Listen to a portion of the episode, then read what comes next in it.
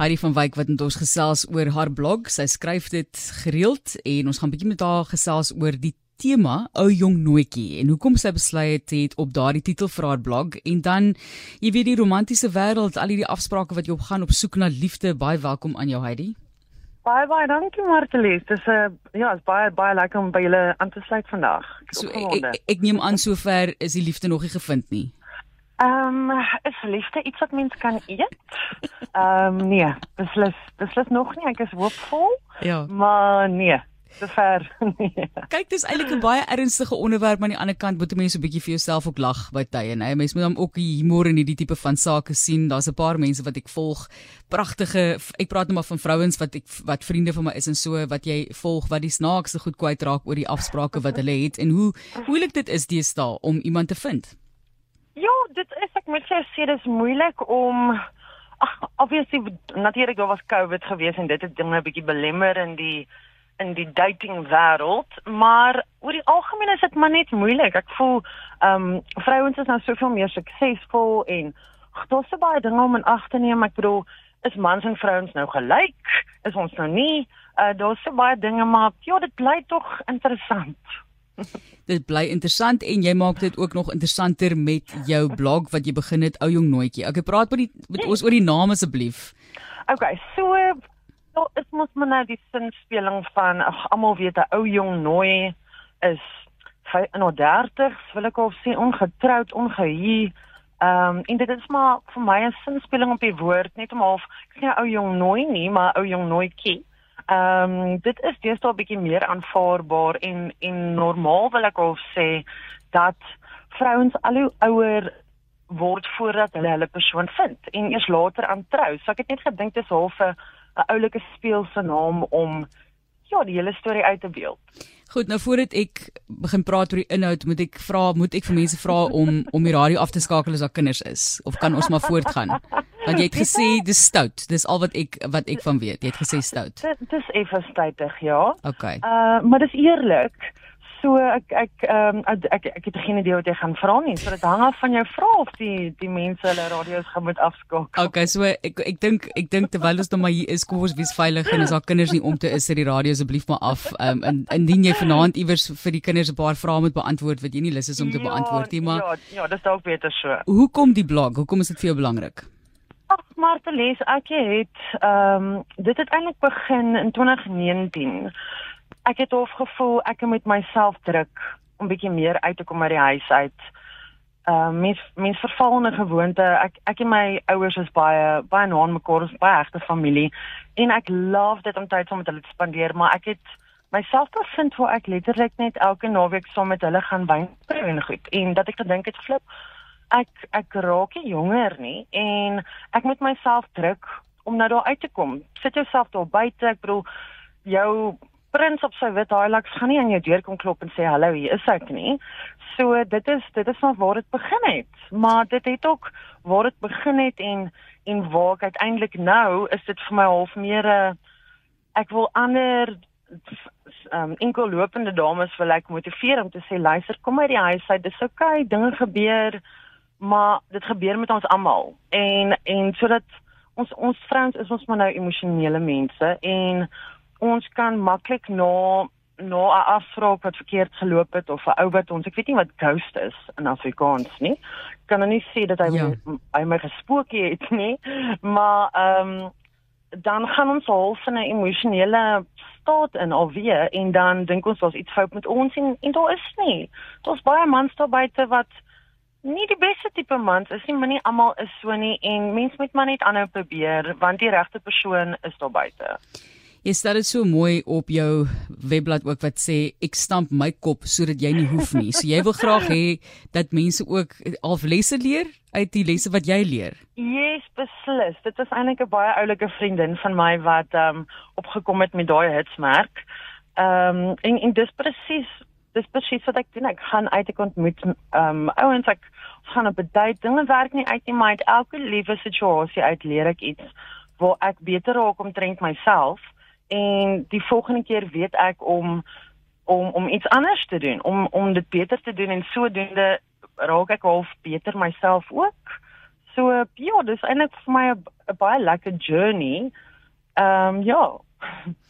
Ons gaan nou 'n bietjie gesels oor daai pad wat jy nou so ver gestap het, maar jy het eintlik 'n hele ander beroep. Jy's eintlik 'n verkoopskonsultant vir 'n maatskappy en die skryfliefde, jy duidelik 'n slag met skryf. So waar kom dit vandaan vir jou? Ag, ek het nog altyd ek ja, vanaf ek klein is, ek is ek is maar 'n kreatiewe mens. Ek sing ook.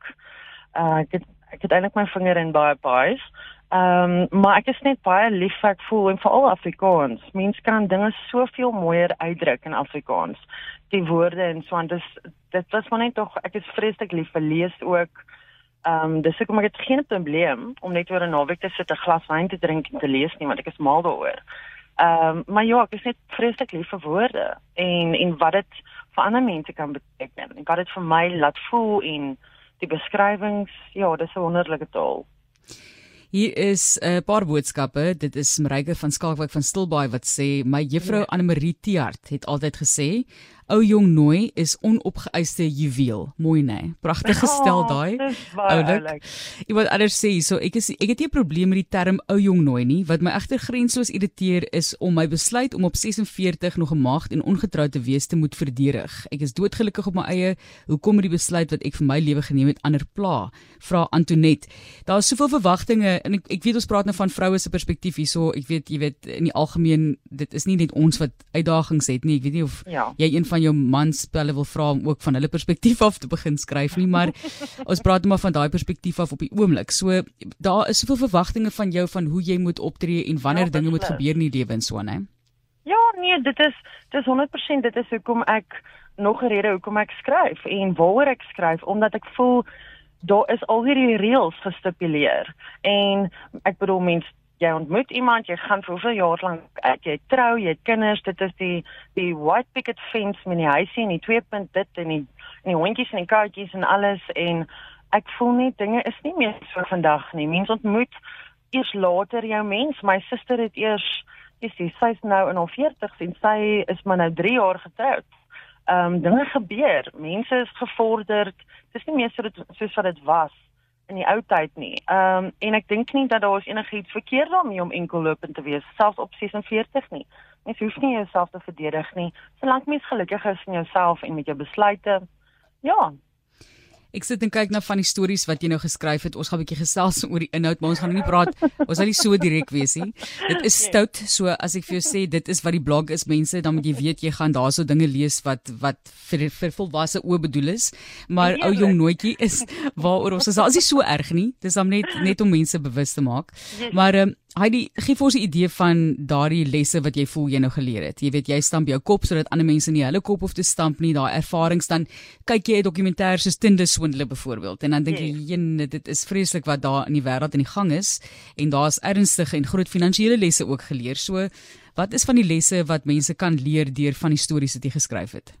Yes, daar's beter baie. Maar ek moet sê Ehm um, ja, ken jouself en moenie toegee om om wees net altyd jouself en moenie toelaat dat iemand oor jou loop nie. Respekteer jouself.